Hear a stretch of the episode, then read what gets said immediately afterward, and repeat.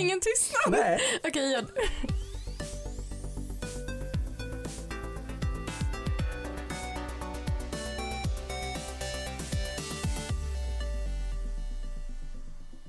Då vill jag hälsa er alla igen då välkomna till Fulkultur.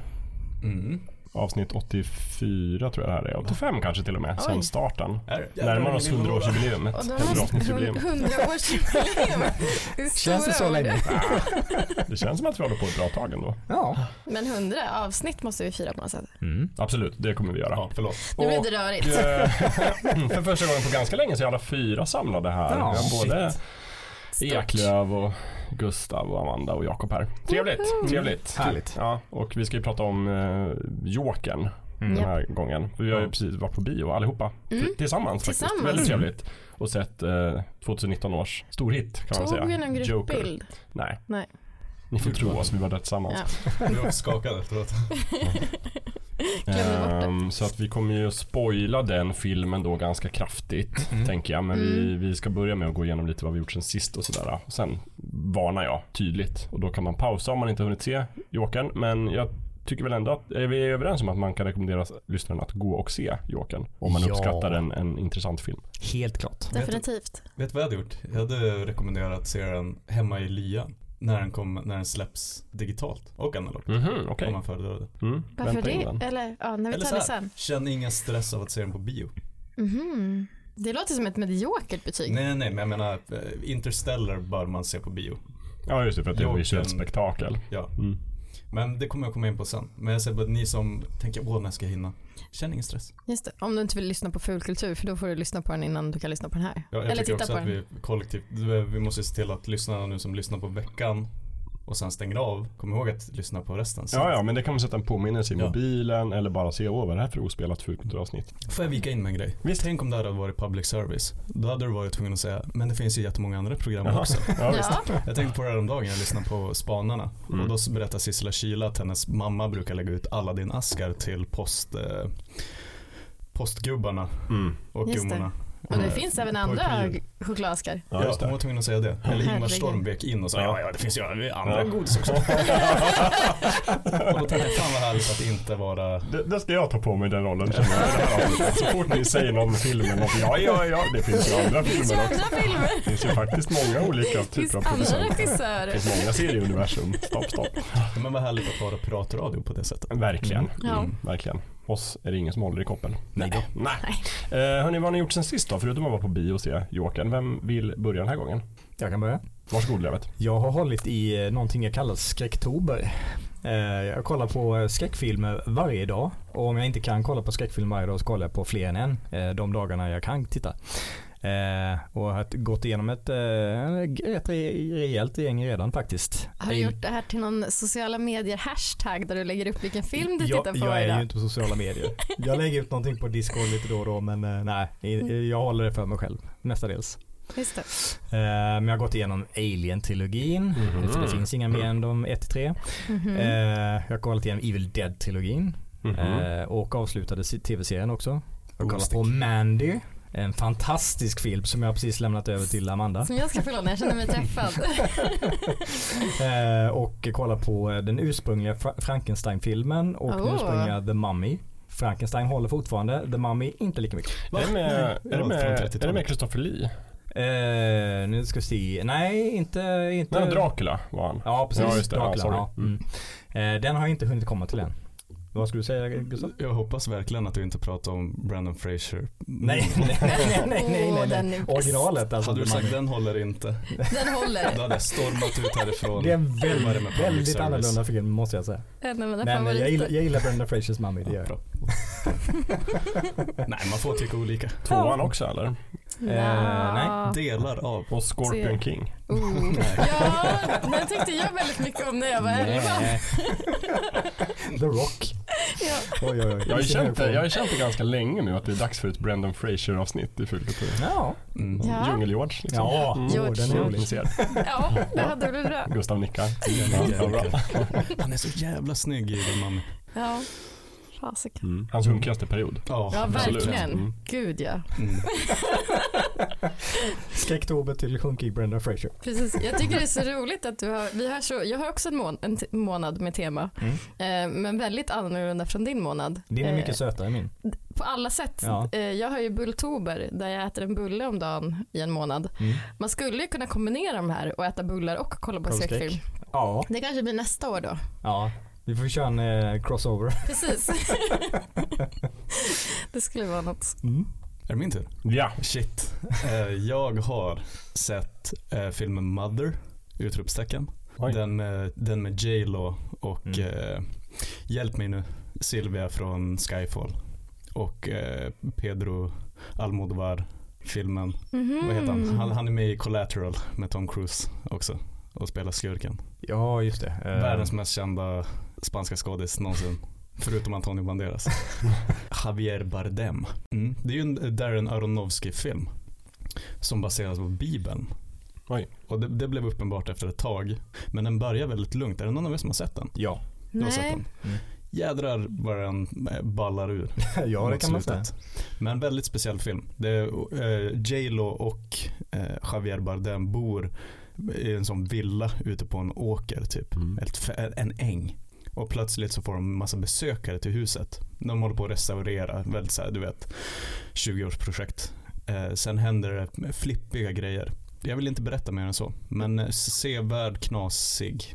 Men hur funkar det, alltså, för Javier Bardem är typ så här den bästa skådespelaren i hela världen. Ja, inte riktigt, men han är ju bra. sjukt bra. Mm. J Lo, mm. inte riktigt lika bra. Hur, fun- hur, hur, hur funkar samspelet mellan dem? eh, inte J Lo utan J Lo, Jennifer Lawrence. Gud! Jag, Jag tänkte, trodde jag också satt och länge tänkte att på du sa J J.Lo Lo. och så tänkte jag Lopez. så här, herregud vad konstig Det kombo. var en spännande film. Okej, men då förstår Jennifer jag. Lawrence. Hon är också Ja. extremt bra. Mm. Eh, Eh, nej men se den, vad är Levet. Alltså jag tycker den eh, Alltså berättarstilen är väldigt intressant och snygg. ja. Eh, Jag tycker inte att berättandet är jättebra. Nej den är inte klockren. Nej. Jag jag hade mycket högre förhoppningar än om, om den än det resultatet landade i. Ja. Men den är, alltså det, som en visuell, audiovisuell upplevelse är den ju häftig. Den, den är häftig. Ja. Så den, det rekommenderas bara för att upp, uppleva det. Den är trippig, den har lite samma trippiga kvalitet som Fear and Loathing i Las Mhm. Vegas Mm. på något sätt. Mhm. Eh, lite halvjobbig film att kolla på stundtals. Mm. Ehm, så det har jag gjort. Sen har jag faktiskt kollat om och om igen på ett YouTube-klipp. Eh, en scen från Kingsman 2, The Golden Circle. Ja. Som är, låten Country Roads blev ju jättepoppis för ett par år sedan. Och plötsligt var den överallt. Både i film och spel och musik och covers och allt möjligt. Eh, den dyker upp i Kingsman 2, The Golden Circle. På ett Mhm. jättebra sätt. Resten av filmen är inte jätte, jättebra. Nej. Inte lika bra som ettan. Men den scenen kan jag kolla på flera gånger om på YouTube. Finns det en Kingsman 3 också? Eller det finns ett manus. Eh, Men det som kommer snart är ju The King's Man.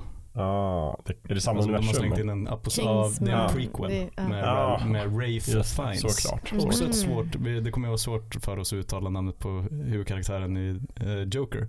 Mm. Men Rafe Fiennes, jag tror jättemånga säger väl Ralph Fiennes till Oj.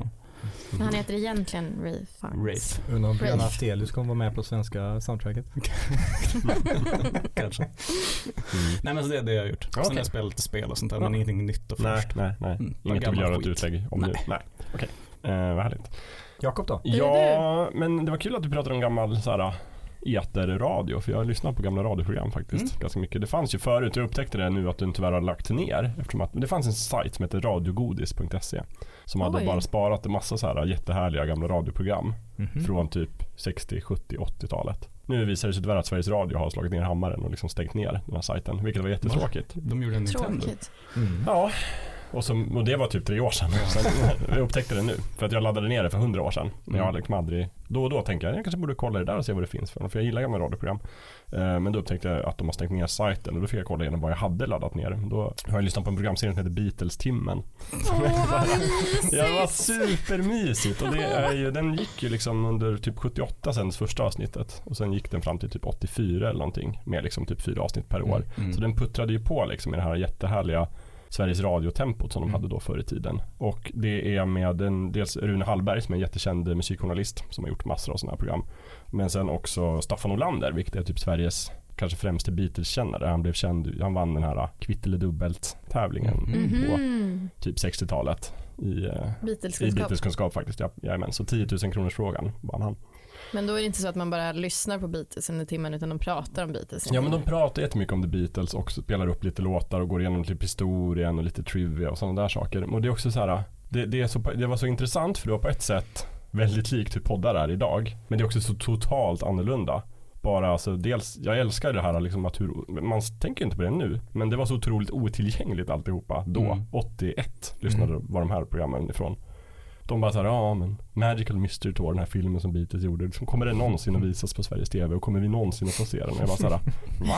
Den finns ju inte på, på iTunes och på YouTube får och du går och köpa Blu-ray och DVD. Och så här, va? Men det är så konstigt liksom att, att man har levt i en sån värld där de flesta människor inte har sett allt som Beatles har gjort. Mm. Mm, Och, ja, då kan man, och så pratar de jättemycket om så här att det var så länge sedan, det var- det var 20 år sedan de la ner det.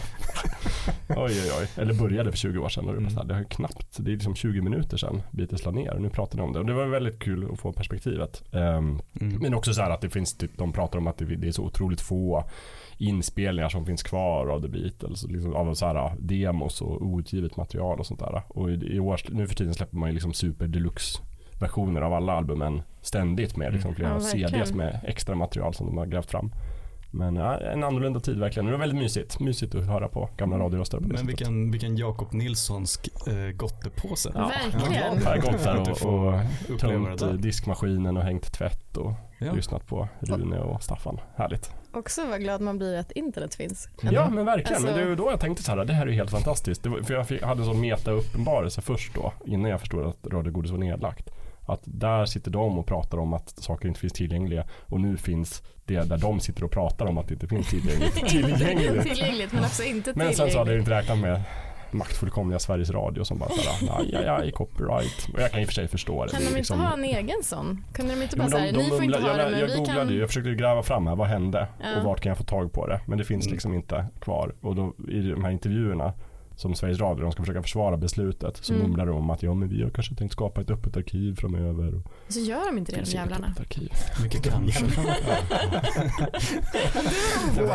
Alltså Nej, otillgängliggöra. men det är faktiskt det är värre också för att det var inte bara Sveriges radiomaterial som Radio Godis hade utan det var ju också typ så här, det fanns något hette Radio Syd till exempel som var den här Mm. piratradiobåten som låg mellan Sverige och Danmark som på 50-talet tror jag sände liksom populärmusik in över Sverige i etern. Mm. Men- Helt olagligt. Public service-hammaren drämde bara ner över hela sajten. Ja, de stängde hela sajten. Fan. Så att, Dålig stil ändå. Ja. Mm. Ja, fyrkantigt av den. Ja, Ja, det, var, det har jag gjort sen sist. De måste skicka en Aladdin-ask till dem. Nu, nu märker jag Ja. att jag håller på att instifta min egen Beatles-timme i det här avsnittet. Det ska vi inte bli så. Nej, Nej. utan nu, nu tar vi en paus här. Nu är det Amandas Är tur. det min tur? Ja.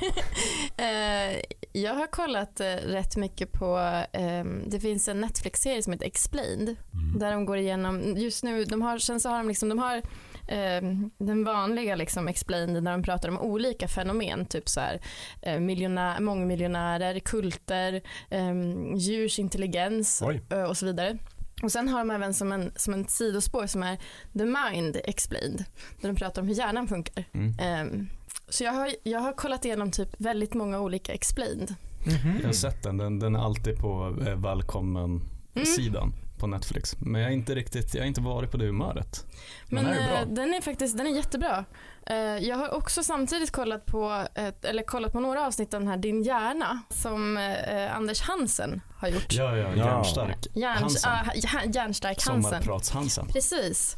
Eh, som också har en jätteirriterande röst. Ja. Eh, och också, så jag, har, jag har så himla svårt för honom.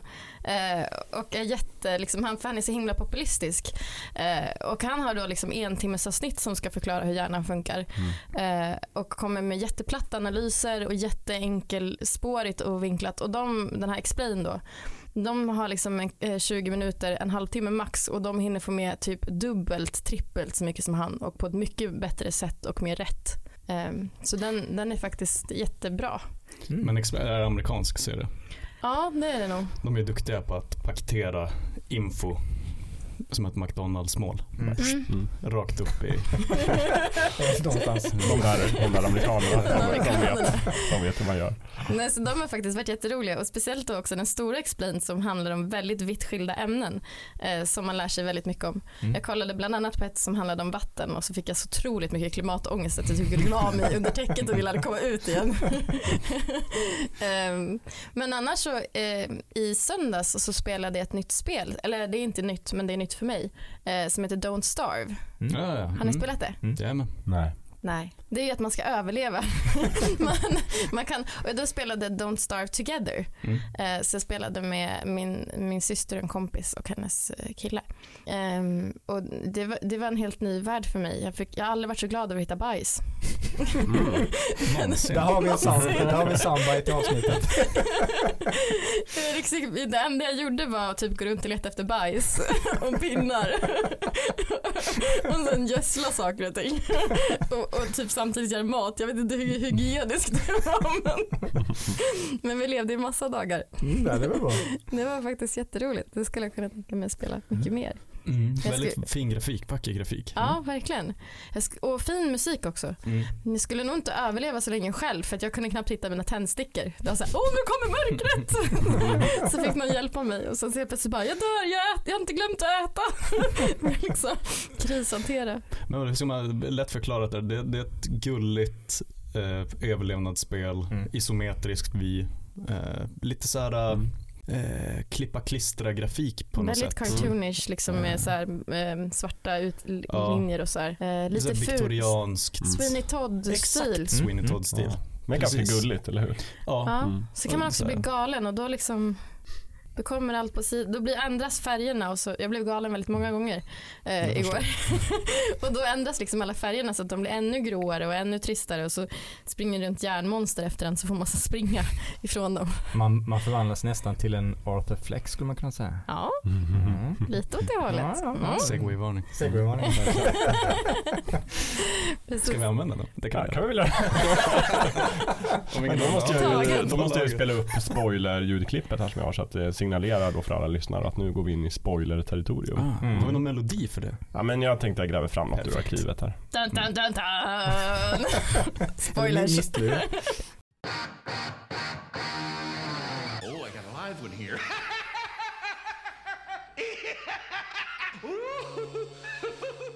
Nej men för vi har ju lite grann tycker jag de senaste åren kretsat som en gam runt det här DC-universumet med serietidningsuniversum som också har flyttat över till film och inte vet jag, romaner säkert också. Men eh, vi har liksom inte pratat så mycket om DC sådär. Men nu ska vi göra det för nu ska vi prata om Jokern. Mm. Eh, med anledning av då den nya hyllade av vissa och kanske kontroversiella till och med Mm. filmen Joker. Ja. Regisserad av, hjälp mig. Todd Phillips. Tack. det var verkligen synkat. Andreas, jag kan- Den vi kan- vi berömda regissören av Baksmällan-filmerna. Va, är det sant? Jajamän. Mm. Är det sant? Jajamän. Ja, det är Ja. samma regissör. Mm. Okej, ja men jag ser vissa tematiska kopplingar här i och för sig. Men vi kan väl vara hyllad av vissa som sagt. Mm. Mm. Betygen är väl väldigt polariserande? Ja, det vet du bättre än jag. Det är det, det har ju ändå varit mestadels åt det hyllande hållet men det finns ju de som går åt det absolut motsatta hållet också. Mm. Ja, man kan verkligen snacka om höga, höga toppar och djupa dalar. Mm. Men vad är det folk inte gillar med den? Ja men, eh, alltså det jag har sett är att antingen är det liksom det här genidrag Mm. Mm. och så har jag också läst recensioner som verkligen har varit det här är ett skämt liksom. Det här är Mm. inte en bra film, tyvärr. Folk kommer att tycka att den är bra men de är inte, de är inte smarta som jag. Mhm. Eh, Mm. och, och vissa hänger upp sig på att eh, den här filmen försöker eh, gestalta nutiden och de frågor, politiska frågeställningarna eh, som råder just nu. Mm. Mm. Och, och hacka ner på filmen på grund av det istället för att analysera filmens egenskaper i sig. Just det, se filmen som den är. Ja, Ja, typ att, väl, vissa tror att den kommer åldras väldigt dåligt Mm. för att den är väldigt kapitaliserad på samtiden på något sätt. Ja, just det. Mm. Spännande, det kommer Okej. vi prata om. Ja, verkligen. Vi har tänkt så här, alltså, dels tänkte jag, vi kan ju prata om filmen Mm. mycket. Jag tror alla här efter biobesöket kände att det finns mycket att prata om, Mm. om filmen. Men jag tänkte också att vi kan passa på att göra små utstickare och att andra typer av så här, både porträtteringar och karaktäriseringar av den här härliga skurken, Jokern, som är Batmans ärkenemesis. Nemesis. Mm. Mm. Världens bästa. Ja, Skurk. kanske världens bästa skurk och sådär. Ja. Och kanske lite grann, kanske rent av lite historia, men vet, men inte så mycket. Mest tycker jag såhär, olika skådespelare framförallt och lite olika serier och kanske lite tips på Ja. bra Joker-representationer. Vi kan väl också lova att innan avsnittet är klart har vi gått igenom vilken den bästa jokern är. Ja, Oj, det när kan vi. till och med absolut, absolut. Pam, pam, pam, pam. Det kan vi göra. Och sen så har vi väl som sagt mycket åsikter om själva filmen Joker. Jag har ju en lång lista på saker som jag tyckte så här, det här var ju tveksamt och kanske inte så bra att göra frågor. Men jag skulle inte gå så långt att säga som att jag sågade den. Verkligen inte. Jag, tvärtom, jag blev ganska, om jag får ta mig friheten att börja, bara kort vad jag tyckte om filmen. Så vart jag ganska slagen för det kändes som att det var länge sedan man såg en sån gedigen film. Eller alltså Mm. så här, det var, den kändes väldigt klassisk på något sätt. Med så här Mm. uppbyggnad och lite twister och lite så här ganska tungt. Och så, jag vet inte, jag kanske för mycket Marvel Cinematic Universe-filmer som bara passar ihop i en annan Så film. Och sådär. Ja, lite så. Jag kanske för mycket sånt på sistone. Men Mm. det är kul att se såna här lite allvarliga filmer. Även om det är liksom en serieskurk. Mm. Mm. Men, Men det- också väldigt intim eftersom att man var så himla nära. Det, alltså det fanns ju en handling såklart men man Mm. var så himla nära honom och hans karaktärsutveckling och det Mm. nästan var den som fick plats. Det Ja. tyckte jag var härligt. Ja, det är verkligen en karaktärsstudie. Mm. Mm. Och det, det jag tyckte var dels att den är, den är ganska tung och allvarlig. Mycket tyngre och allvarligare än vad jag hade väntat mig. Men också att den här filmen fungerar helt frånkopplat Batman-universumet. Eh, det här skulle kunna utspela sig helt utanför det och ändå vara en jättebra film. Eh, till skillnad från de andra Batman, eller Joker-gestaltningarna där de är, de är tydligare knutna till just Batman-universumet. Eh, det, det tror jag får mig särskilt mycket här. Jag har inte väntat mig det riktigt. Nej. Ja, det- Det är nog det jag har tänkt på mest sen vi såg filmen. Hade den funkat lika bra om det inte hade varit Jokern eller tvärtom? Mm. Och du sa att, Leo, att den hade varit minst lika bra om det inte hade varit det. Jag hade nog upplevt den som det. Jag tror inte att den hade, om det inte hade varit Jokern, då tror jag alla hade varit överens om att Joaquin Phoenix var jättebra. Sen hade folk glömt bort filmen. Mm. Jag är böjd att vara lite på din sida där Gustav. Jag tror att den, eller jag tror att den hade varit bra ändå. Den hade Ja. kunnat vara stå på egna ben. Men jag tror att den tjänade extra mycket på att ha kopplingen just till, till seriefiguren Jokern. Eftersom att det ger någon sorts ribba att förhålla sig till. Mm. Alltså man kan jämföra det med andra Jokers. Man kan jämföra det med liksom så här att Jokern har ju varit, han har haft så många olika karaktärer genom åren. Mm. Så jag tror att den tjänade på det även om den i sig också var väldigt bra. Men däremot så behövde man ju kanske inte lika starkt koppla an till, alltså till Batman. Nej. Han Nej. behövde inte förhålla sig till Batman eller så här, på det, det sättet. Så på, den, på det sättet så hade Ja. den klarat sig men Mm. det hade, det hade nog haft svårt att stå för sig själv om man tog bort hela Joker-biten. Mm. Men man behövde inte Batman för att få Jokern. Nej precis, för det tycker jag nästan är, det var det jag störde mig mest på att det liksom ändå någonstans där så fanns Bruce Wayne liksom med och hela. Jag Mm. hade nu faktiskt sett att de vågade koppla bort det helt och det, visst det är DC-universumet, det är Jokern men mm, ni behöver inte alltid koppla in eh, Nej, Bruce det kan jag hålla med faktiskt. Har han kopplat bort Thomas Wayne och eh, Bruce Wayne Mm. helt, det Mm. hade jag inte haft några som helst problem med. Ja, och jag tycker nästan att, eh, eller så här, eh, nu hoppar jag lite framåt, men kan ni tänka er en uppföljare till den här filmen? För jag kan absolut inte göra det. Nej, inte jag heller. Nej, det är eh, svårt. Eller det skulle vara om, om man tänker sig att, um, alltså jag skulle kunna se om man tänker sig att han sen blir som Heath Ledger Jokern fast lång, alltså flera år fram. Men jag tror inte att det hade, f- eller jag vet inte, eller så här, filmen slutar ju väldigt mycket, alltså Batmans eh, föräldrar dör, Thomas Wayne och Martha Wayne. Heter hon ens det? Jo. Mm. Jo. Ja, tack. Uh, fick så här Batman vs Superman flashbacks. Oh, shit. Eh, nej men du vet, man ser begynnelsen till Batman och det är ju också liksom en eh, origin story för Jokern ända till den sista scenen. Och det är väl först där kanske som hans karriär som Jokern eventuellt börjar. Det vet man ju inte ens. Han kanske bara blir Just, av just där, det är en liksom. sån sak som jag gillar också att man vet ju inte om det som händer i slutet, om det faktiskt händer som, som vi ser Precis, det, det eller om det är i hans huvud. Eh, det med. Alltså Ja. he, hela scenen när han är på det här talkshow-programmet och eh, vi har redan sagt spoilers, eh, Ja. skjuter eh, talkshow-världen i huvudet. Alltså det kan ju vara i hans huvud, det vet, som biopublik vet vi inte det. Eh, det kanske inte alls sker så, han kanske är på programmet men inte gör det.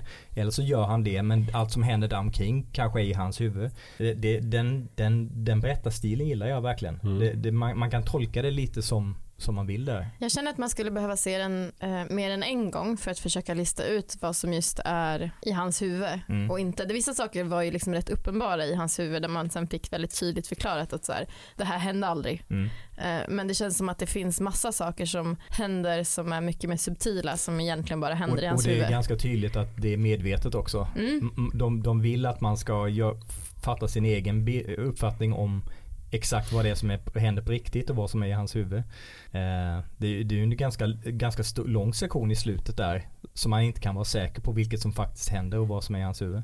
Ja, verkligen. Mm.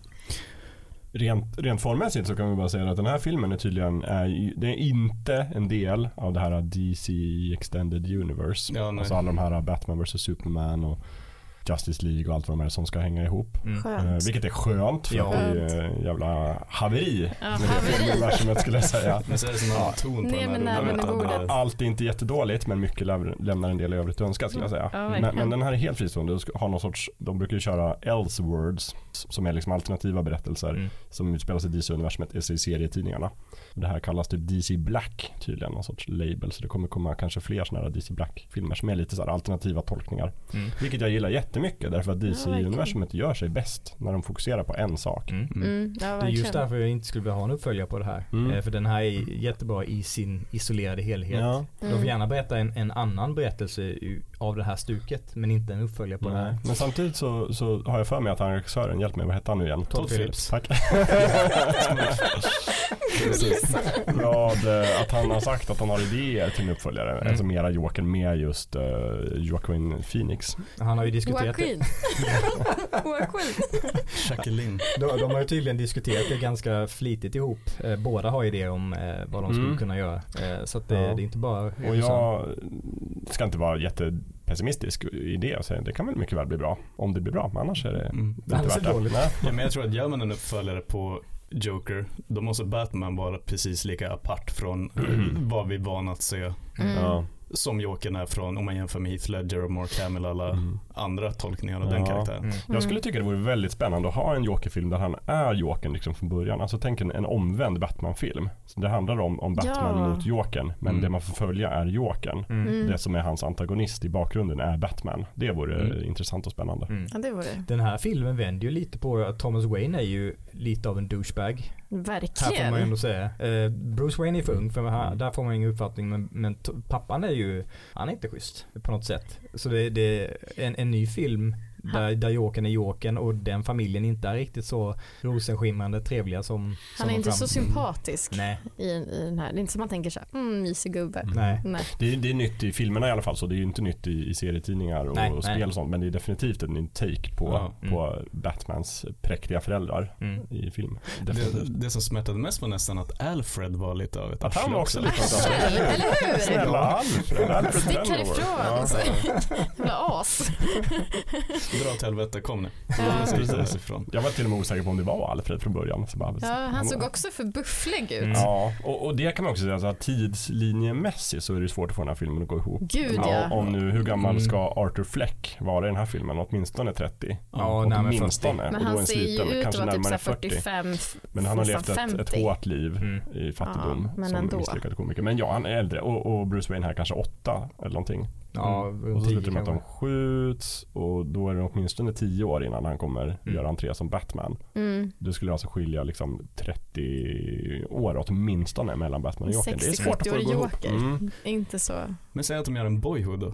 Så då får vi en uh, Joker 2 om typ just det. 20 år. Ja. När Joaquin Phoenix är 50.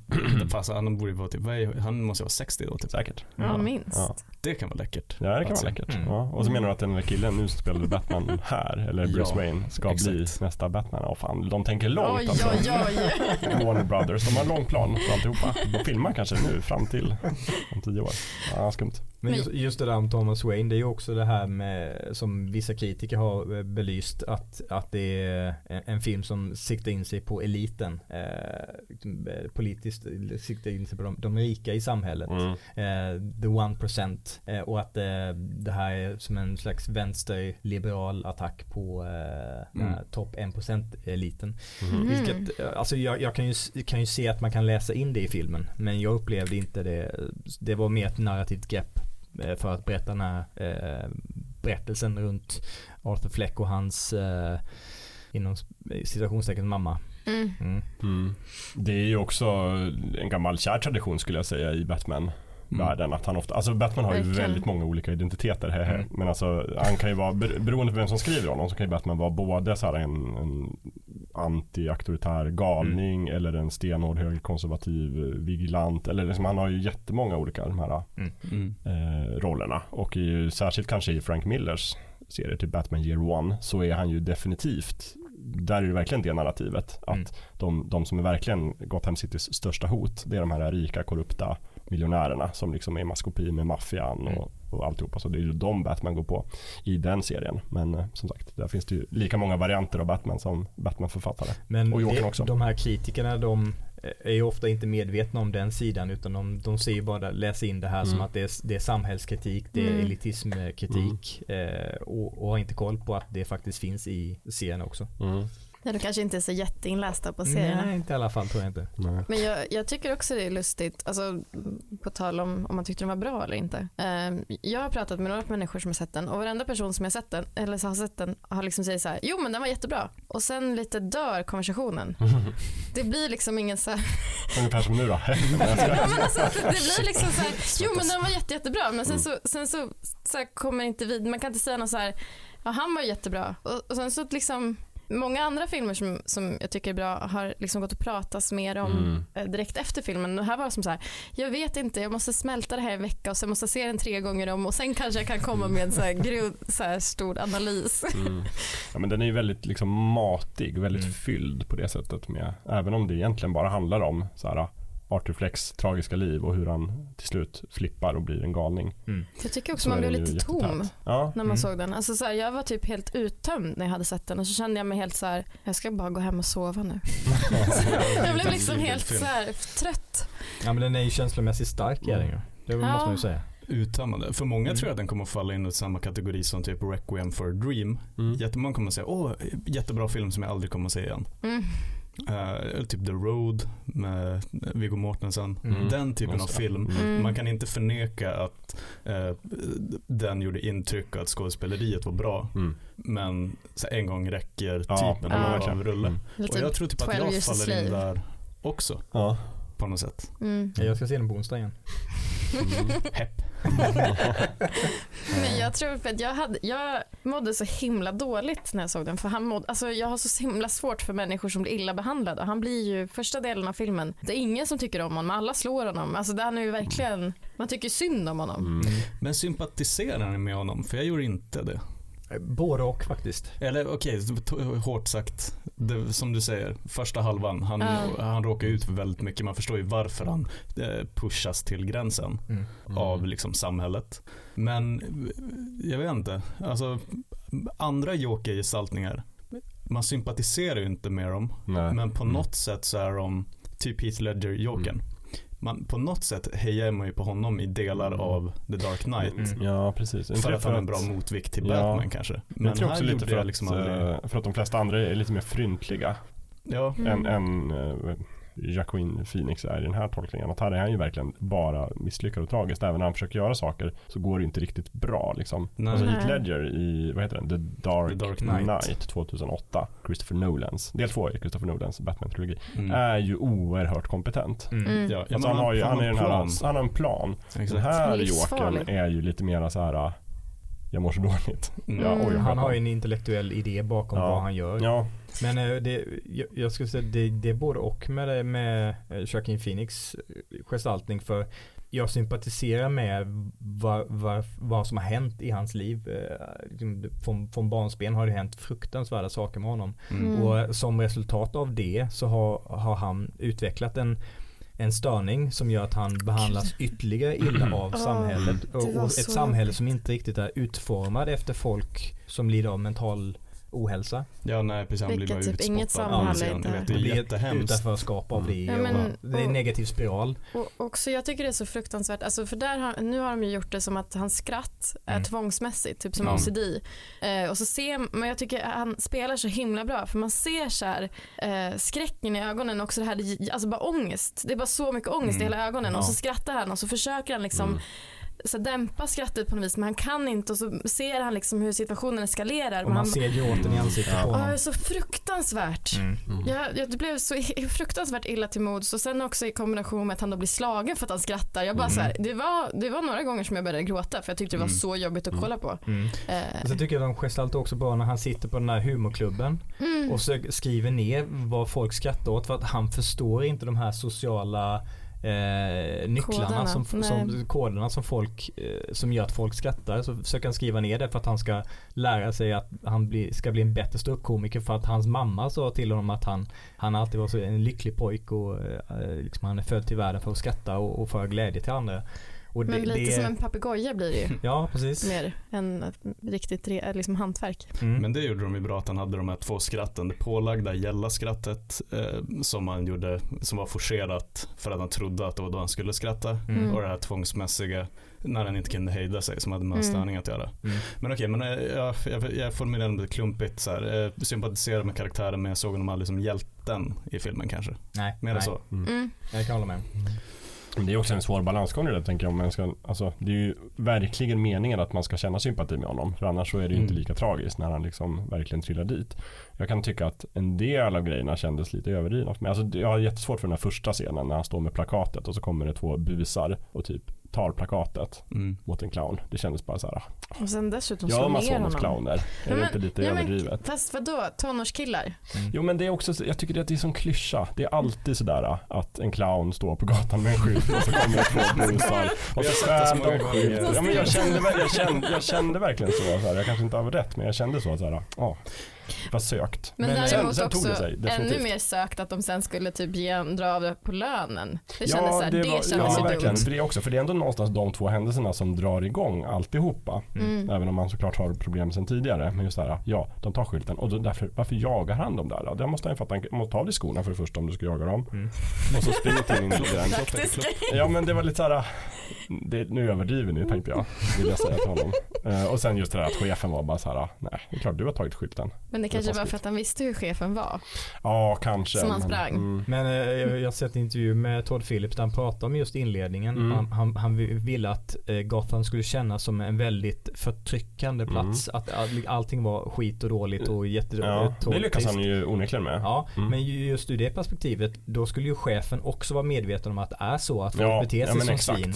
Ja. Och därför blir ju den scenen Mm. väldigt ologisk Precis. som följer efter det. Jag hade ju velat ha en ännu tydligare liksom där de verkligen vrider då chefen till att vara ett arsel. För nu var det Mm. ändå så här, han sa några sympatiska saker. Bara, jag tycker om dig, jag vill gärna ha dig kvar, bla bla Mm. bla, men du måste ge tillbaka skylten. Mm. Eh, Men sen över, överlag hade jag sett samma scen i slutet av filmen så hade jag ju tänkt att ja det är Mm. klart att ligisterna gör så här Ja. i Gotham City Ja, som är så verkligen. fallen. Jättesnygg, får jag bara säga det, jättesnygg eh, grej med att det är så här sopstrejk också i Gotham. Ja. Jag sätter verkligen stämningen. Ja, verkligen. Klart det luktar Så luktar mycket äckligt överallt. äckligt. Mm.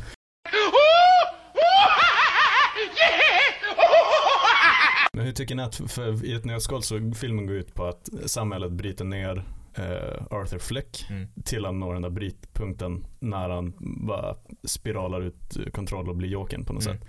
Ehm, hur tycker ni alla de här grejerna som hände honom för att man skulle säga oj nu är han ett steg närmare och alla vet i bakhuvudet vad Jokern är för karaktär och att vi vet var, varåt det barkar. Tyck, hur tyckte ni att de höll den så här att, som sagt du tyckte inte att första scenen var, den var lite överdriven. Mm. Eh, hur tyckte ni att de balanserade där med alla de här grejerna som hände honom? Jag skulle säga att alltså, allt, allt fram till eh, avslöjandet av eh, hans, hans förhållande till granntjejen. Eh, all, allt fram tills dess fungerade väldigt bra. Det, hans förhållande till mamman och vad mamman hade gjort. Eh, det fick man ju väldigt gradvis Mm. redan Mm. med på. Och när det väl nystades upp så var det så här, åh shit, ja okej det, det, det, det är så han har eh, levt hela sitt liv och det är det som ligger till grund för allting som har hänt. Men eh, den, när de väl lyf- lyfter på locket med vad, eh, hans förhållande till gran- granntjejen. Där tycker jag att de var lite väl övertydliga med det. Eh, eh, de liksom ska påpeka det gång på gång att ja men nej men han, han, de, de har inte umgåtts. Eh, det var ju bara i hans huvud. Mm. Ha- Hade, de, hade en scen avslöjat det och sen hade de nöjt sig med det. Det- hade varit mycket bättre än att du liksom ska skriva det på näsan på tittaren att eh, ja, har ni förstått? Eh, Mm. de, eh, de umgicks aldrig. Ja, Så. jag, vet inte, jag, jag behövde inte det men en del tittare tror jag kanske behöver den så här väldigt visuella påminnelsen att Mm. kommer ni ihåg han var på sjukhuset men hon var inte där. Mm. Dum, Dum, dum, dum, Men det, det är att det, den skiljer sig så mycket från det andra. Det andra är Mm. ju inte övertydligt. Nej. Det är ju just, just den, det förhållandet, det är det enda som lyfts fram övertydligt. Eh, så det ska så lite, alltså inget, Fast det inget finns jätteallvarligt, ju men- typ som första gången han är med i talkshowen. Mm. Det är ju också övertydligt. Sen Ja, när jo, de visar att han väl- inte var med. Tank, där är väl aldrig tank, där förstod man ju ganska tidigt att Ja. nu har han drömt Mm. sig in i det han vill. Mm, ska Ja, ska, att hur hans liv ska se ut.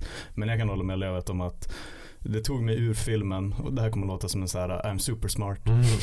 Eh, Men det hade räckt med den där första lilla när han går in i hennes lägenhet i Ja. slutet och Mm. hon säger åh du är den där killen som bor längre bort i korridoren. Mm. Jag vill att du går härifrån. Mm.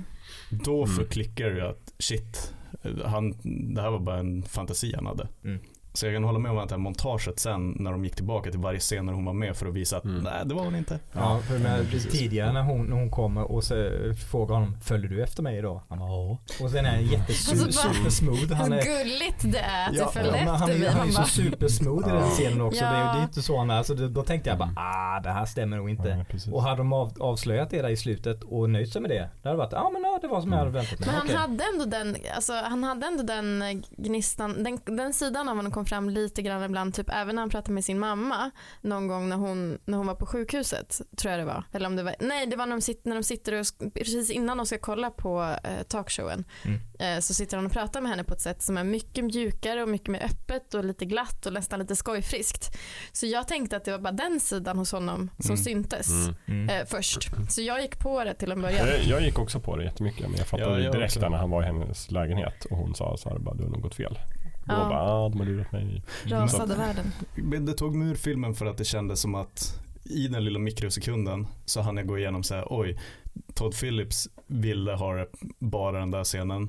Sen kom det executives och sa nej, nej, nej, Mm. de kommer aldrig fatta det där. Mm. Lägg in en, en visuell påminnelse. Mm. Mm. Så jag började tänka mer på Mm. eh, produktionen Mm. av filmen än Mm. filmen för två sekunder. Mm. Mm. Vilket var, kändes lite konstigt för att Mm. det var en film som verkligen sög in en Ja.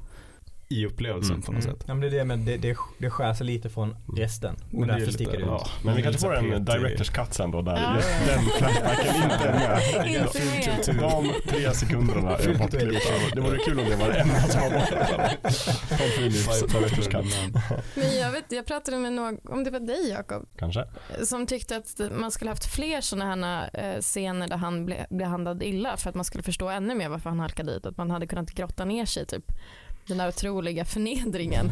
Ja, för du Eh. frågade ju hur, hur liksom hans resa, hur vi Ja. upplevde den Mm. mot att han blev det. Jag, jag kan hålla med om det, att just det här, äh, inte gotta sig i det, men ju mera sånt man kan få in i filmens runtime, desto Mm. bättre. Mm. För jag tycker att det gick ganska snabbt fram tills han skjuter de här tre dumma snubbarna i tunnelbanan. Mm. Ja. Sen efter det tycker jag att takten är jättebra. Mm. Att hur han går därifrån, det var ju lite av en, en olycka Mm. Mm. ändå. Och självförsvar slash olycka. Men hur han Slash därifrån avrättning. hur han därifrån direkt går in i den här fantasin med sin granne och liksom lite grann sakta men säkert bygger upp en ny världsbild och bara såhär, åh om jag gör så här då kan jag kontrollera saker. Och sen Mm. så till slut med det här twisten med mamman och hans barndom och alltihopa Mm. så blir han Jokern.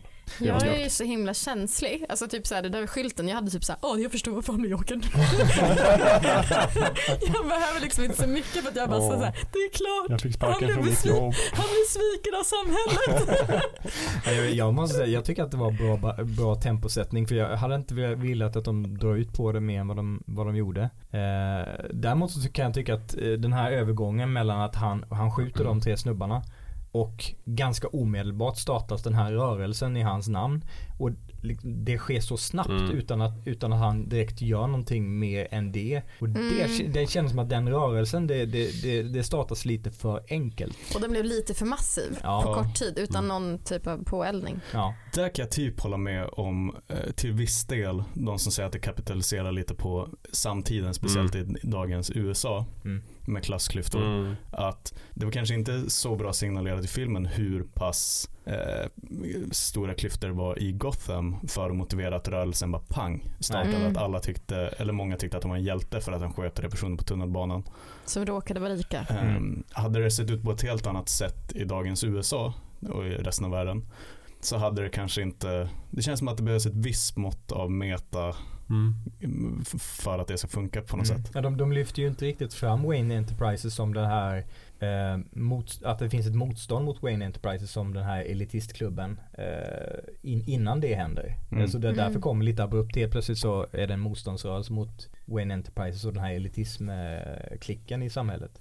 Å andra sidan så får man ju, det enda man får från annat håll det är ju hans mamma som ser Arthur Wayne som en sån här goody two shoes och ser upp till honom Mm. och berättar Mm. hur, hur himla bra han är att han ska bli borgmästare. Så man får ju liksom bara hennes version från början. Och Mm. då tror man ju, till en början trodde man ju att Arthur Wayne var liksom Thomas Wayne. Ja, ja visst. Thomas Wayne, tack så mycket. Arthur Fleck Thomas Wayne. Mm. Eh, men sen visar det sig att det var ju, man blir matad med hennes version så att säga. Sen inser man att hon är lite skruvad själv. Mm. Minst sagt. Eh, så, på- okej, så på så sätt så kanske man blir lite lurad som tittare Mm. att tro på en version av storyn. Mm. Mm. Men eh, på tal om mamman, tyckte ni att det behövdes hela den här grejen på, på Arkham när man får veta eh, få reda på liksom Arthurs uppväxt och att han var kedjad vid elementet och att hennes, han blev misshandlad av mammans pojkvänner och Alltså hela det, adoptionsstoryn. det blev ju lite grann av ett Dexter moment. Alltså om ni har sett Dexter. Mm. När han, för då, han, har liksom, han blev ju sin seriemördar-persona typ. eh, För att han blev in, eh, liksom, han hamnade i en container där jättemånga människor hade blivit dödade så satt han typ i blod i tre dagar. Och sen blev han knäpp i huvudet. Typ så förklarar de det lite grann Dexter. Mm. Och när, när man fick förklaringen då tänkte jag så här. Dexter? Rakt av. Men tyckte ni att det behövdes för att cementera liksom, nu förstår ni varför han Ja, men behövdes ett starkt ord. För Mm. jag tänker Ja. det hade väl säkert kunnat gå att göra bra innan, men jag tyckte att det var bra Ja. att det kom. För jag tyckte inte att det var så här, den definitiva förklaringen till varför han blev som han blev. Nej. För jag tycker att det var också det här lite höljt i, i dunkel och tveksamheter. Typ Mm. så här, för att mamman säger ju att Thomas Wayne har bara falsifierat alltihopa Mm. för att Mm. bli av med henne. Och det, är ju, det skulle han ju kunna göra Mm. eftersom att han var en douche och jätterik. Mm. Ja, så Så man undrar vem som var knäpp och vem som var liksom, vem som gjorde vad, Ja. vem som hittade på Mm. vad. Och nu var inte det min tolkning av filmen att han faktiskt var Nej. eh, Thomas Waynes eh, illegitime son. Men han skulle ju kunna vara det. Ja. Mm. Men jag, jag, jag tycker just att, att de förklarar med att han sitter eh, kedjad där och, och mår, mår väldigt illa av det. Att det gav en, en ytterligare förklaring till varför han gör som han är, eh, gör som han gör och är som han är senare. mm. När de sitter och intervjuar mam, den yngre eh, versionen av eh, mamman, eh, Penny Fleck. Just den scenen kände jag att ah, den här kanske kunnat klara utan. Den tillförde inte så mycket. Men just att man får det förklarat varför han blir som han blir. Det, det tyckte jag faktiskt tillförde någonting. Men också varför hon beter sig som hon beter sig. Mm. Eller liksom, jag fick en större förståelse varför hon betedde sig så, eller på det sättet hon gjorde.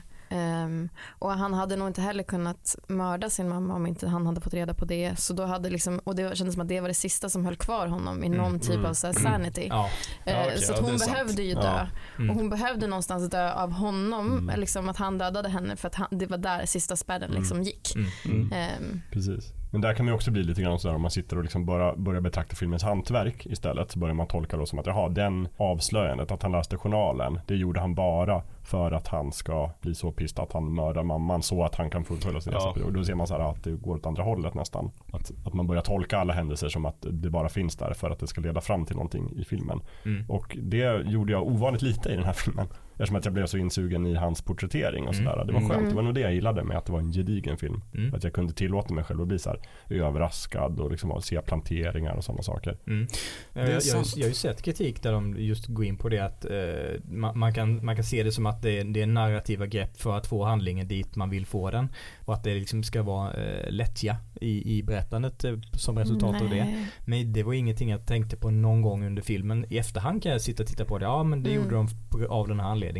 Men när jag väl tittade på filmen så var det ingenting som jag tänkte på. Men det är ju också på något sätt någonstans där så en film görs. Eller Ja. så här, om Mm. ingenting hade kopplat tillbaka till någonting, och om ing, alltså så här, då hade det ju varit en dålig film också. Ja.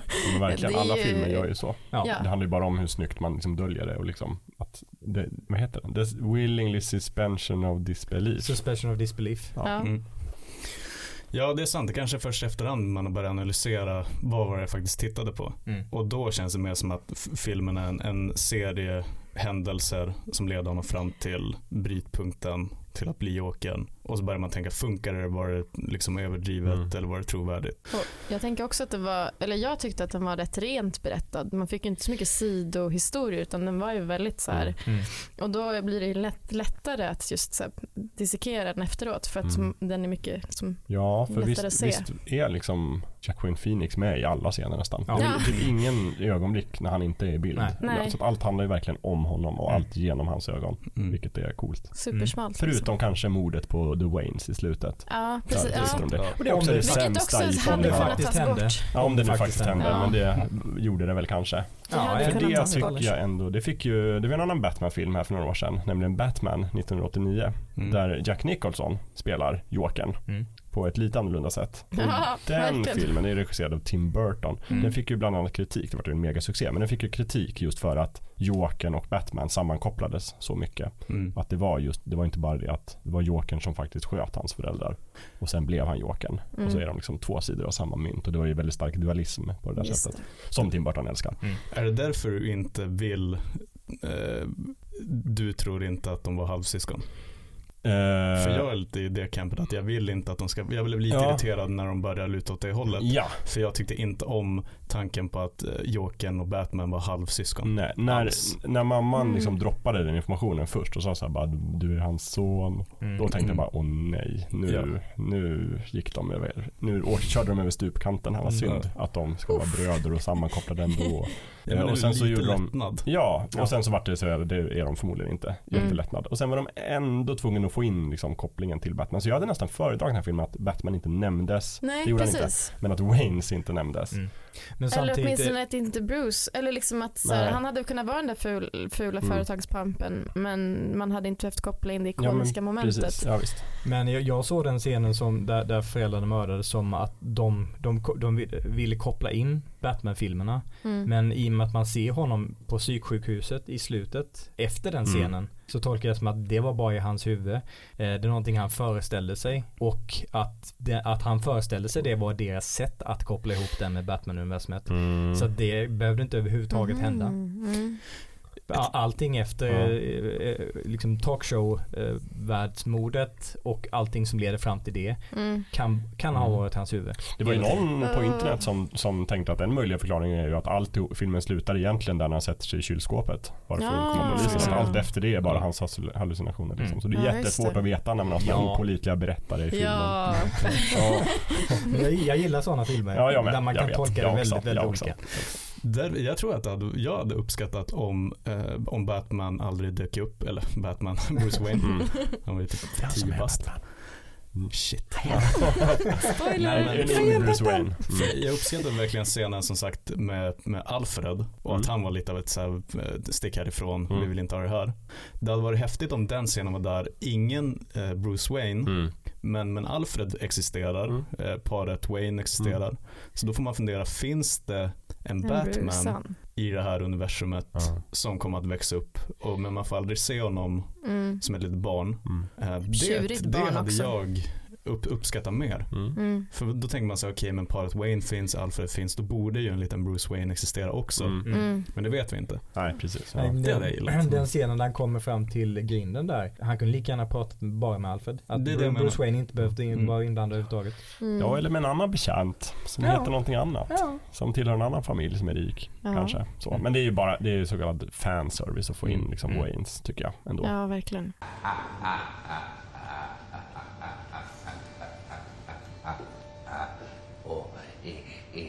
ha, ha, hi, ha.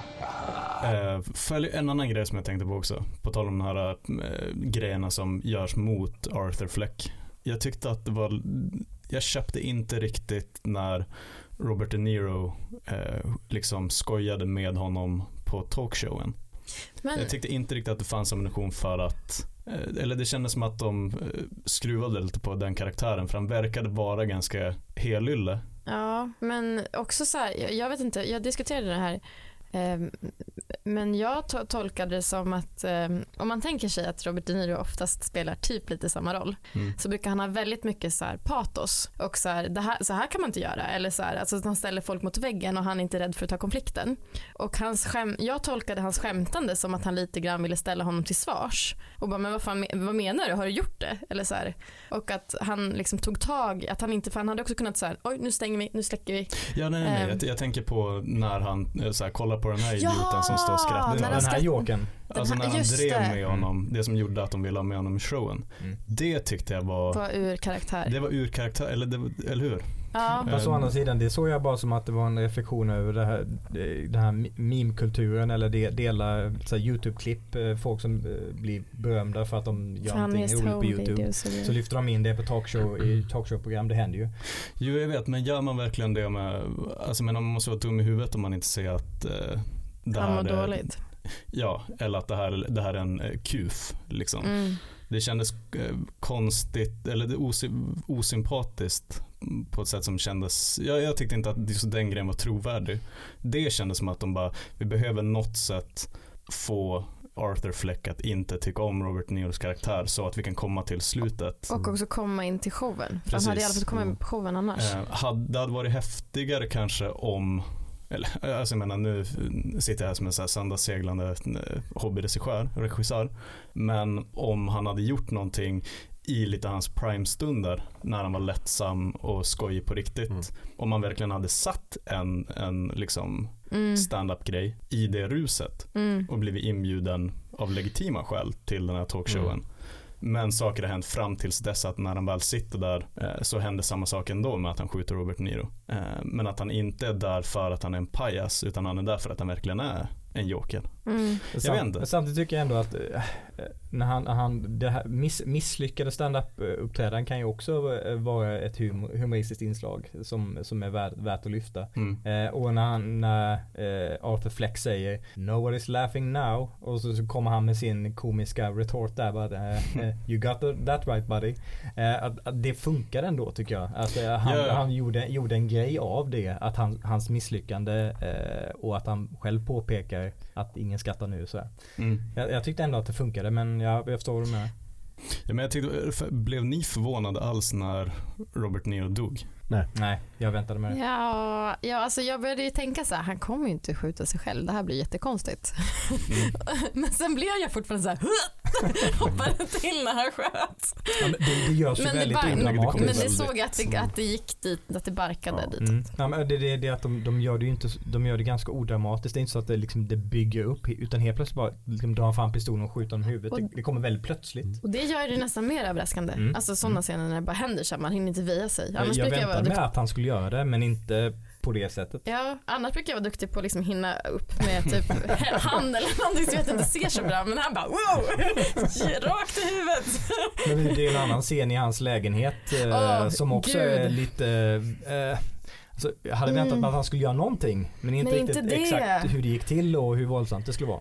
Mm. Nej, och sen blod överallt och så Mm. han stackaren som inte blir mördad som bara Som inte la upp till låset. ja, hemskt. Hela scenen jobbig. Det var en rolig scen. Ja. Rolig Jag har och helt ju- konstig.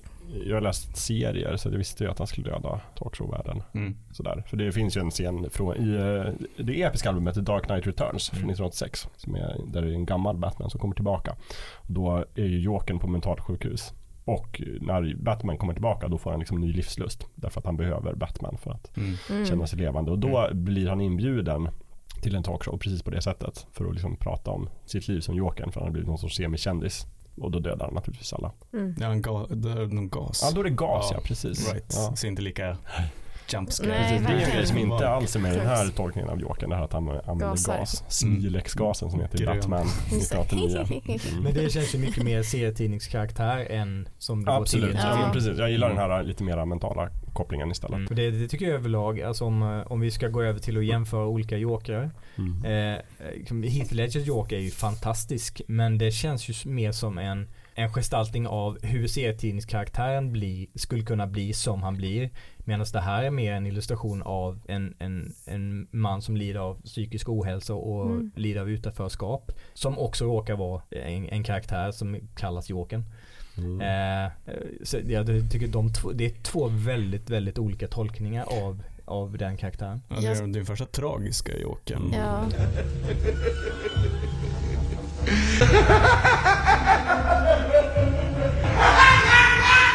Jag skulle också vilja prata om alltså, han, alltså fysiskt, hans kropp, Mm. Mm. Joaquin Phoenix. För den, eh, den bidrog också till att det kändes så himla obehagligt.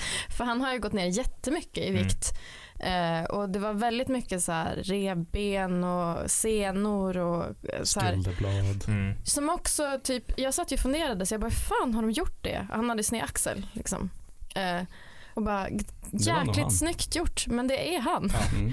När han har sned axel, Mm. men när han är liksom biffigare eller mer normal, eh, Eller tjockare. ja men liksom när han har mer en, en fylligare kropp, man ska säga, så syns inte det lika tydligt. Nej. Eh, men han, han är så Mm. eh, s- sned. Sen fick jag också lära mig att han är född med ett R. Alltså det är inte ett R som kommer av att han, alltså den här på läppen. Ja, han är inte harmynt. Ja, Han är inte harmynt, utan det- Va? Nej, Nej, han är inte. det. det är inte, alltså han är född med ärret. Det är inte så att de har skapat ärret för att de sydde ihop Jaha, det. jag trodde han hade gomspalt. Det trodde jag också. Men han är född med ett R. Jättekonstigt. Mm. Det var väldigt otippat.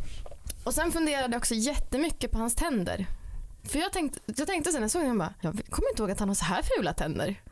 Ja, ja. Jag har liksom inte, jag har inte tänkt så här, ha, oh, ful, ful käft.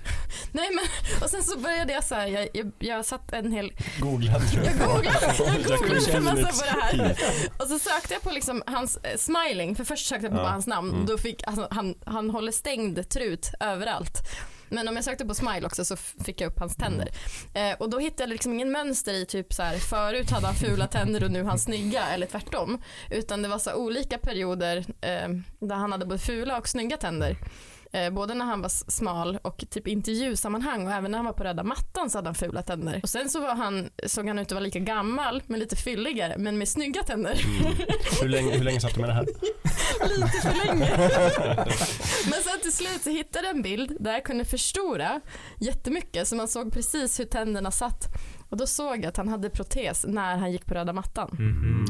Så mycket var han inne i, i liksom sin roll att han hade det även när han gjorde intervjuer och när han var på röda mattan. Mm. Och då tänkte jag, jag har alltid tänkt på honom som en method actor. Men så har jag också hört att han typ inte riktigt är det. Nej, jag kollade på en intervju med Peter Travers, eh, den amerikanska eh, filmkritikern. Eh, och de, de pratar just om det, eh, att eh, säger det att nej men eh, folk ska kalla mig så här method actor men det är inte så jag är. Eh, Jag, jag tolkar situationen i stunden och, och går på känsla. Eh, och jag vill inte blanda mig någonting med saker och ting runt omkring. Eh, jag vill inte veta vad regissören, hur han tänker framea den här eh, scenen. Jag vill, jag vill inte veta någonting. Eh, och han diskuterar mycket med regissören Todd Phillips då i det här fallet. Med hur, hur scenerna ska eh, byggas upp och hur, vad, vad som ska finnas med i det. De improviserar en del sådär. Eh, så att han säger själv att han är definitivt inte en method actor. Nej, det är konstigt. Jag har alltid tänkt mig på hon- honom som så. Mm. Men eh, också för att han var med i den här I'm still here, Mm. mockumentären. Mm. Mm. Då, det tänker jag mig så här, någon typ av, då är man method actor ut i fingerspetsen och man kan leva sitt liv helt annorlunda i typ ett halvår för att göra en Men han är nog dokumentär. bara mer eh, kufisk. Ja, Eh, kanske, kanske så originell. I, i, I samtliga intervjuer jag sett inför den här filmen så, ja han är, han är speciell. Ja. Det får man ändå säga.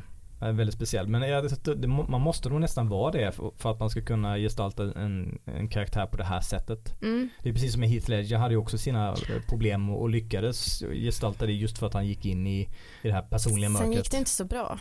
Nej, Alltså rent om man pratar om honom. men i, i den här Peter Travers intervjun så pratar han om, eh, så ställer han frågan, men eh, hur, hur påverkar en sån här roll dig som skåla, skådespelare mentalt? Han Mm. säger, men nej, det, jag, jag gör det när jag, när jag spelar in, spelar in och sen så släpper jag det och jag, jag, jag tänker inte på det eh, i efterhand. Nej. Så han verkar ju inte eh, finna, vara i farozonen för det i alla fall. Nej, för det känns som att beroende på vad man, vilken joker man spelar så borde man nästan få ha som en liten klausul i sitt kontrakt så här. Jag lovar att inte tänka på jokern när jag, när jag inte jobbar eller så här. På något vis så här, att det är en hälsofara att spela rollen. Jag måste ta en väldigt munter roll direkt efteråt. Ja, Men precis. Jack Nicholson verkar ju må bra. Ja, jo, men och där tänker jag mig att där är det mer liksom cartoonish eh, slapstick-jokern. Ja, precis. Ja, kollar man bara hur de har porträtterats på, på långfilm så är det ju kanske en stigande kurva, så här, mer och mer psykologiskt mörker. Mm. Så här, Mm. Från Cesar Romero, den gamla 60-talsskådisen som spelade Jokern i tv-serien Batman. Som annars också är känd faktiskt, han spelade typ någon karaktär i någon Zorro-film och många, Jaha. många filmer som latinsk älskare. Står det på. Oh. Och sen Jokern. Ja, han var också väldigt, väldigt, väldigt stolt över sin mustasch. Vet jag. Så att han, när han var Jokern så vägrade han raka bort den. Så att de har bara sminkat över mustaschen. Det syns, den har Nej. det syns väldigt, väldigt tydligt. Men han var ju väldigt fryntlig. Ja. Mm. Glad. På den tiden kunde de ju inte göra som i eh, Batman v Superman. Och, eller nej, eh, inte Batman v Superman. Vi- Vilka filmer är det där de har animerat eh, Stålmannens skägg? Det var i, Va? han var ju med i eh, Justice League samtidigt som de spelade det, i Justice Mission League. Impossible Mm. där han hade Ah. den snygga mustaschen. Mm. Så de. CGI-ade bort eh, men hans. Henry Cavill's mustasch jättekonstigt. Nej vad konstigt. i Justice League. Men det är ju filmens minsta problem. Ja, det kan man säga. kanske, så kanske man kan säga. Mm. Mm. Annars måste jag bara lite sådär, pratar man film så är det här kanske den mörkaste Jokern hittills, men pratar man återigen i serierna så är det ju en jättelång gammal tradition det här att på olika sätt dyka ner i Jokerns sådär, Mm. mentala sjuk, Mm. sjukdom eller inte. Och jag skulle framförallt vilja lyfta fram eh, Batman The Killing Joke. Tack. Mm. serienovell Jakob. kan man säga. Tack Gustav. 1988, Alan Moore. Eh, kanske den definitiva eh, berättelsen om Jokerns bakgrund. Och så Mm. väldigt, väldigt inspirerad måste den här filmen vara av den serien. Mm. För det är lite så här samma backstory att eh, hans, då har han inget namn, Jokern, men han är så här misslyckad komiker och liksom lever ett väldigt tragiskt liv. Det är typ Arthur Fleck, känns det som. Mm. Mm. Fast lite annat. Då har han så här en fru som är gravid och så händer det tragiska saker och han tappar sitt jobb och är inte rolig. Och, Mm. Men Mm. The Killing Joke, eh, det är ju så här, kärnan i den är ju en dålig dag ja, kan få vem som helst att bli Jokern. Just det, Mm. menar Jokern. Menar Jokern, exakt. Och det var ju väldigt mycket i den här filmen, eh, Joker, så fanns ju också det konceptet Mm. med mera typ en dålig vecka. Mm. Och att, för man började räkna upp grejerna som hände. Han fick sparken, hans, han upptäckte att Mm. hans, du vet, med, med Thomas Wayne och Ja, mamman och mm. alltihopa. Mm. Ja, det var Men- mycket på en gång. Ja, men, men sen i slutet så visar det ändå att en dålig livstid fick honom att bli Jokern på Mm. något sätt. Ehm, så där är det ju en skillnad. Mm. Precis, och det är väl lite det han försöker ge utlopp för där i pratshowen innan han Mm. går bärsärk. Att, så här, att det här hade kunnat vända vem som helst tror jag han säger någonting om. Så här, det här är vem som helst eller Mm. någonting sånt. Mm. Jag menar att det var samhällets fel, Ja, för det är ja, ju knappast i The Killing Joke. Där är det liksom, eh, det, det, han råkar ut för mycket skit på Mm. en och samma dag. Och det är inte, man kan inte skylla det på samhället utan där är det verkligen Nej, men han, sky- han skyller ju någonstans på typ universum. Att så här, Ja. det här hade kunnat vara hans poäng där som han vill visa för typ um, Konstapel Gordon och Vem som helst. Batman är typ att vem som helst hade kunnat vara Mm. jag om bara de här sakerna som jag varit med om hade hänt er. Typ rätt eller fel förutsättningar beroende på hur Ja. man ser det. Nej, exakt. Vilket också är, för efter att vi såg filmen på bio så sa ju både då och jag, lite sugen blev man på att titta på The Dark Knight Ja. trilogin. Mhm. Vilket jag gjorde. Eller jag såg Ja. inte Begins, men jag såg The Dark Knight och Rises. Mm. Mm. Jaha, det, jag blev också sugen men jag har inte gjort det än. två grejer där. Eh, I i The Dark Knight så är ju liksom Jokerns slutmål är att eh, få Harvey Dent på fall och göra honom till Two-Face. För att Mm. visa att den godaste Goody Two Shoes i Gotham kan dras ner på våran nivå. Det lyckas han ju ändå med då får man Det- säga. Ja, det lyckas alltså, han med. Jokern vinner ju den Ja. filmen Mm. på Mm. sätt och vis. Ehm, så där är det liksom samma grej. Att en dålig vecka kan få vem som helst på fall. Mm. Ehm, men en annan grej jag tänkte på när jag såg The Dark Knight Rises är ju hur mycket av the 1% hatet som bygger handlingen i den filmen. Mm. Också ja, Um, gud ja. Catwomans lilla eh, eh, monolog där. Mm. Mm. Exakt, och på något sätt är ju allt det ett eh, fake. För att Bane säger det till Batman att jag ska ge dem hopp nu. Eh, sen ska jag knäcka hela stan. Mm. Och sen har de min till- tillåtelse att dö. Så hela det här grejet att liksom rise up, eh, det här är de som har gjort Gotham till en dålig stad. Eh, det spelar ingen roll för The League of Shadows för de ville bara utplåna allting Ja, och starta om Mm. från början. Men att det var ju ett väldigt starkt budskap i The Dark Knight Rises med liksom så här eh, känguru, rättegångar och Mm. hela Mm. den grejen. Så också liksom en parallell till den här, Mm. båda de filmerna kan du säga, paralleller till Joker Mm. Mm. i Mm. dem. Jo, precis. Det är väl så, varje ny liksom, oavsett om nu man pratar om Batman eller Jokern så bygger det ju alltid i någon mån på allting som har varit tidigare. Mm. Även om de har liksom plockat lite här och lite där alltid. Eller Mm. så här, det här ska vi göra tvärtom eller det här ska vi göra lite grann liknande fast inte. Ja, men det är därför jag kommer tillbaka till. Jag tror inte att den här filmen hade funkat lika bra om det inte hade varit Mm. det arvet man Mm. förvaltade och gjorde om på något sätt. Jo, nej men om man är Mm. inne i Batman-universumet så ger det ju en extra dimension naturligtvis. Men jag tror det hade säkert kunnat vara en skickligt gjord film eller Ja, sånt. Men jag ja, tror inte den hade fått samma uppmärksamhet kanske. Mm. Nej det hade nog inte fått men som, som Mm. film dramaturgiskt tror jag att den hade funkat lika bra utan Batman-kopplingen. Men den hade absolut inte fått lika mycket uppmärksamhet i media. Ja, där kanske det skiljer sig att Joaquin Phoenix eh, hade nog varit lika Oscars-tippad om det inte hade varit Jokern han, Mm. han liksom Mm. gjorde. Mm. Medan Heath Ledgers Joker är väldigt starkt kopplad till fan han gjorde Jokern bra. Mm. Mm. Inte fan han gjorde en, en galen skurk bra. Nej. Ehm, Nej, det är sant. här tror jag mer att man kan säga Joaquin Phoenix gjorde en trasig människa bra. Han gjorde inte Jokern. Men eh, Heath Ledger var väl också första gången i filmsammanhang i alla fall som Jokern blev smutsig och inte hade liksom, hade också typ en sminkning snarare än hade ramlat in i syrabad. Mm. Nej, det är Alltså sant. där han, där han var smutsig eh, och sk- skavd. För att typ så här, Jack Nicholson är ju väldigt eh, så här, on point. Jo men precis, där är det Flik. ju så, verkligen så här Jack Napier ramlade ner i en, i en balja med kemiskt material och Mm. förvandlades till Joker. Det är väldigt så här, Och då får ja. han snarare sminka sig för att se normal ut. ja exakt. Jo, det är, Eh, och det är så här jättesuperperfekt och så här eh, flugan är Ja. fluffig och fin och Ja, exakt. Och Heath Ledgers Mm. karaktär utsätter ju sig själv för uh, stympning. självskadebeteende. Eller? Eller? Eller? Eller? Eller? Ja, det är Eller? det som man, är vet roligt. man vet aldrig. Det är det det också är som är roligt med Heath Ledger att det, han, han spelar ju Jokern väldigt ambivalent. Så man Ja. Vet ju inte Mm. hans backstory. Man har Han, ingen han aning. drar ju olika stories för olika Medan människor. i Jokern här visar de ju den. Eller? Verkligen. Mm. Mm. En del Eller? i alla fall. Jag vet inte. Men Men eh, det var någon som hade ställt upp det på Reddit, de olika jokerna. Att Romero var clownen, mm.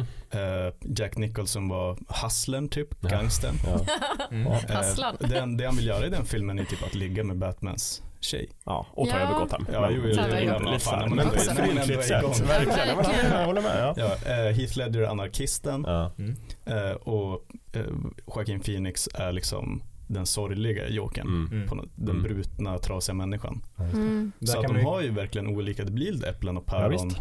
Mm. Ja, Där kan man kasta in Jerome från Gotham också. Eh, de säger ju inte uttalat att han är Jokern. Men det är ju Joker-karaktären och han är mer psykopat. Eh, Alltså renodlad psykopat. Mm. Kul också att ingen nämner Jared Leto. Ja, men jag skulle precis jag fråga det. Ingen som, är det ingen som vill ta upp Jared Leto? Men är det inte också lite, nu har inte jag sett Suicide Squad Jag har tyvärr 2016. gjort Gör inte det.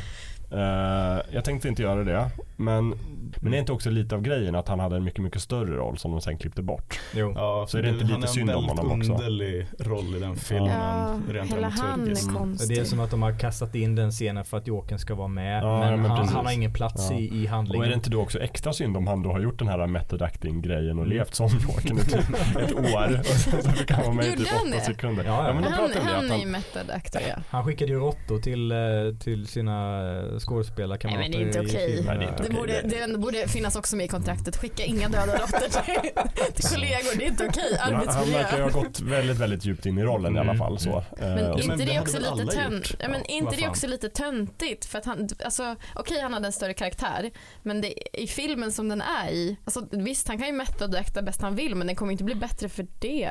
Eller? Eller?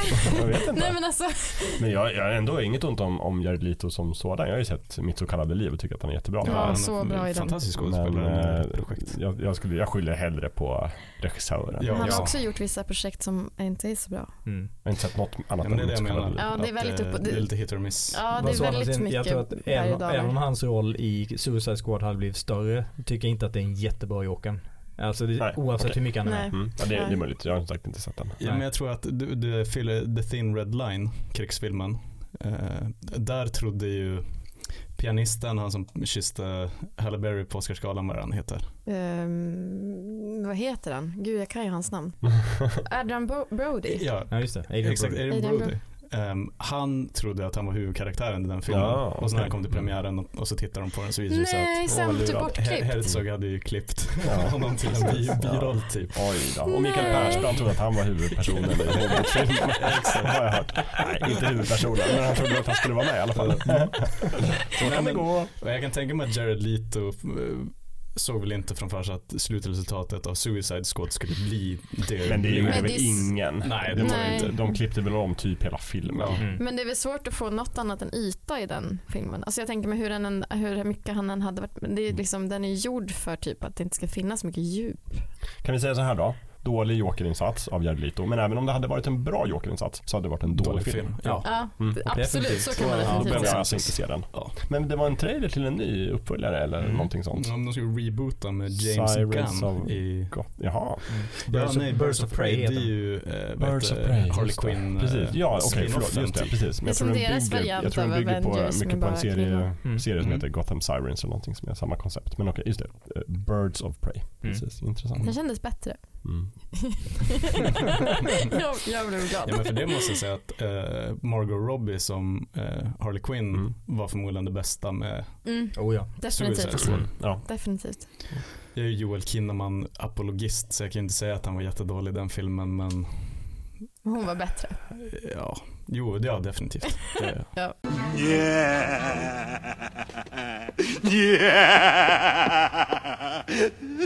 Mm. Men när du säger Harley Quinn, det leder oss in på ännu en joker som Ja. måste nämnas i sammanhanget. Nämligen din favoritjoker, antar jag. Eftersom att du älskar Batman the Animated Series. ja shit, den tecknade Ja, Jokern. visst. Mark Hamill. Fantastisk. Luke Skywalker. Fantastiskt. Det är så konstigt att det är samma person. Ja. Gör ju även rösterna i spelen. Ja, precis. Arkham-spelaren. Ja, Ja, Arkham-spelen, mm, ja, verkligen. Och Ja. har fått eh, särskilt mycket beröm för sin, sitt maniska skratt. Mm. Mm. Undrar hur länge han övar på skrattet. Men det är så obehagligt att se honom spela in Jokern i, Ja. Han, i är, han, är, studion. han är animerad kan man säga. Men han är så, ja, fantastiskt duktig. Ja. Nej men jag kan verkligen, eh, du tipsade om The Killing Joke. Jag ska inte tipsa om den animerade filmen The Killing Joke. Mhm. De tar sig lite kreativa friheter som inte riktigt funkade. Aj Eh, så läs serietidningen Mhm. innan. Ja, det, det borde finnas på alla välsorterade bibliotek. Mm. Eller kan man beställa. Ja. Eh, jag kan däremot tipsa om f- uppföljaren till Batman The Animated Series var ju Batman eh, in i framtiden som Batman det hette Beyond. på Batman Beyond. Mm. Fan vad jag gillar Batman in i framtiden. Ja. Alltså, härlig svensk titel. ja, det, det är svårt. Då, det släpptes en film för en herrans massa år sedan som heter Batman Beyond colon Return of the Joker. Ah. Spoiler alert. Eh, Jokern återvänder. Nej. Nej, men den har en extremt, nu kan jag också gå in på det här med att kolla på specifika scener på YouTube utan att kolla på resten av filmen. Den har en otroligt bra tolkning av Jokern och vad som hände med honom och varför han inte längre finns med, men han kommer tillbaka. Eh, Där han liksom går över gränsen, precis som han gör i The Killing Joke. Eh, när han kidnappar Robin.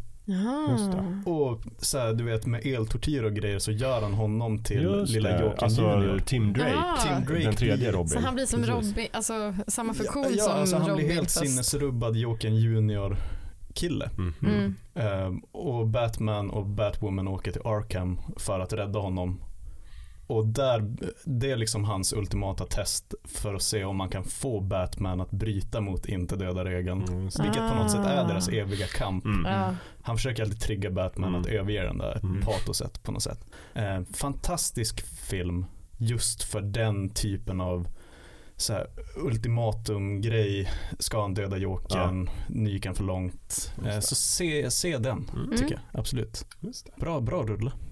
Mm. Animerad. Batman Beyond, Return of the Joker. Ja. Ja. Eller Batman in i framtiden, Jokerns återkomst. Ja, ja. Perfekt. Jättebra. Jag tror man man kan ha hitta den så här, full movie på Oj. YouTube. på svenska? Nej, För tyvärr. vill man ha Mark Hamill då måste man väl ta engelska. Ja. För inte han dubbat den svenska. Han har inte dubbat en Nej, svensk. kan han inte gärna ha gjort. Det hade i och för sig typ nästan inte förvånat mig. Han bara, jag lärde mig också svenska. Snart ska vi utse bästa jokern, men innan dess skulle jag vilja tipsa om ännu ett seriealbum faktiskt. Eh, som Heath Ledger tydligen blev jätteinspirerad av när han Mm. skulle porträttera jokern. Så beställde han just det här albumet och det är av eh, Grant Morrison också från 1989. Arkham Asylum, A Serious House on Serious Earth. Som handlar om, det är också väldigt inspirerad av det här Arkham, första Arkham Batman-spelet. Mm. Samma eh, koncept där att fångarna tar över Arkham och Batman måste ge sig dit. Och då träffar han bland annat en mycket disturbed Joker. Mm. Jag minns det som väldigt så mörkt, otäckt och krypande och äckligt serialbum. Men Mm. bra. För att hoppa tillbaka till filmen en snabbis på tal om Arkham. Eh, jag tyckte att det var, i alla andra tappningar av, eller de flesta tolkningar av Batman, så är ju Arkham det här fängelset där alla superskurkar på något sätt sitter. Mm. Jokern, Harley Quinn, Two-Face, varenda jävel är ju där. Mm. Mm. Här var det ju ett vanligt psyksjukhus på något sätt. Mm. Mm. Eh, det tyckte jag var en tolkning som passade i den här filmen. Mm. Det hade inte funkat att, med det här fängelset för Nej. galna brottslingar. Verkligen inte. Nej. Det finns ju inte superskurk, fast det fanns ju inte i Dark Knight heller å andra sidan. Det här superskurkfängelset. Så båda, båda filmerna är ju ganska rotade i eh, realism på det sättet. Mm. Fast fängelset finns väl? Ja, ja fast de tar, de tar ju inte upp det som att det sitter en massa superskurkar där. Nej, okej. Nej. Mm, Det gör väl det med tiden. Men vet ni vem som grundade Arkham Asylum? Thomas Wayne. Amadeus Arkham. Va? Ja, i alla fall i serien. Se där. Ska vi Bästa ta Jokern bästa? innan vi slutar. Ja. Ja. Kan man, ens, kan man ens välja en favorit när det är så olika Nej. tolkningar? Det är Nej, jag har väldigt svårt för det. Det var ju du som sa att vi skulle göra det. Ja okej, ska, jag ge, ska jag ge mig en lista? Ja. Ja. Heath Ledger etta. Mark Hamill tvåa, sen resten. Okej. Alltså jag skulle säga, jag, jag tolkar det här som en, eh, som separat från Jokerna. Så jag skulle också säga Heath Ledger, Mark Hamill och resten och sen eh, Joaquin Phoenix som en annan. På, på sidan av. Ja, en egen En diagram. bonus. Ja, han sitter i sin egen kategori. Den lilla bubblan. Ja. Eh, Just för att den är så väldigt annorlunda och mer isolerad från, eh, från resten av världen. Ja, och kanske för att vi inte fick se Prime-Jokern. Mm. alls. Mm. Vi vi ser små glimtar, men han var ju aldrig riktigt Jokern-Jokern. Nej. Ja, det är sant. Mm. Vill du utse någon eller tre eller? Nej men jag måste, nog, jag måste nog instämma i kören för att eh, Heath Ledger har ändå ett speciellt plats i mitt hjärta. Han, Mm. det, jag tyckte att Joaquin Phoenix gjorde jätte, jätte, jättebra rollprestation men det går liksom inte riktigt att ta den platsen. Mm. Även om jag typ så här, är uppvuxen med att, eh, eh, nu har jag glömt bort hans namn. det? Nicholson? Jack Nicholson? Ja, han, jag är uppvuxen med att han är Jokern. Ja, just det. Du föddes ju samma år som... Jag tittade jättemycket på Batman-filmerna när jag, när jag var yngre. Mm. Så han var verkligen det. Men, men det går inte... Svårt att säga att han är bättre än Heath Ledger. Ja, men jag, jag får gå helt och hållet på liksom nostalgiska anledningar och säga att det finns ingen bättre Joker än den som fanns när man var nio år gammal. Så att därför Jack Nicholson, Batman. Mm. Mm. Men jag skulle ge en liten eh, en extra boost till, eh, han heter väl Cameron Monaghan tror jag som spelar eh, Jerome i Gotham. Jag tycker han gör ett Ah. jättebra jobb också. Det, är- det är mer serietidningspsykopat, Mm, mm. överdriven karaktär. Men han gör det jättebra tycker jag. Gillar du Gotham? Ja. Alltså, den, den är ju löjlig och överdriven fast på ett skönt serietidningssätt. Eh, och jag tycker de senaste, senare säsongerna blir faktiskt eh, ganska bra. Jag får nog säga att jag gillar det men då, då måste man verkligen kunna uppskatta det där löjliga överdrivna också. Mm. Det kommer aldrig att hända, men någon gång tänkte jag att jag skulle se Gotham som en fortsättning på The OC. Och bara så att det är samma karaktär som bara, Känns som Ja, väldigt vadå, finns det kopplingar eller är det bara... nej, det är samma skådis. Jaha, Eh, okej. Du menar att det här är hans, liksom, han flyttar? Han flyttar. Det är det Han flyttar från OC. Ja. Gör det, det går, det går att få ihop. identitet. Det går att få ihop. Ja, men lite såhär 90210 Millers Place, som vi alltid kommer ja, tillbaka precis. till. Ja, Ja, alltid, varje det. avsnitt måste Ja. vi ta upp det. Det är där vi hamnar. Eh, ja, det finns ju så himla många DC-serier nu också, tv-serier. Jag tappar verkligen kollen. Mm. Mm. Ett tag var det ju liksom Arrow, Flash, Nu är Legends of uppe. Tomorrow. Nu kommer ju Batwoman också samma universum. Black Bolt är där. Och... Mm. Mm. Vem är det som ska spela Batwoman? Det är hon Ja, eh, Ruby Rose. Rose. Ruby Rose. Mm. Ruby Rose. Right. Ja, det. Eh, hörni, dags att avsluta. Men jag, vi kom inte in jätte- jättemycket på historia om Batman och Jokern och sådär. Men jag skulle faktiskt vilja förhandstipsa om en ny podd som är på gång i Sverige. Som vi har inget med att göra, men Nej. jag såg på Instagram att den är på gång. Nämligen det finns ett Instagramkonto som heter Dubbelansiktet. Som är Mhm. Sveriges eh, största Batman-samlare. Jaha. Som har ett helt fantastiskt Instagramkonto, eller två faktiskt. Så gå in och följ det om ni är intresserade av, av mest Batman men också allt runt omkring. Och den personen ska starta en podd, har det avslöjats, som kommer att heta Läderlappen-podden. Som, Nej, vad får- som får premiär 20 oktober. Så att jag är väldigt spänd själv. Jag ska definitivt lyssna på den här podden och skriva in varje avsnitt. Ska. En sista grej, Jakob, du kan blow my mind nu. ja. Two-Face, heter han dubbelansiktet i svenska ja, översättningar? det är klart. Vad skulle den annars heta?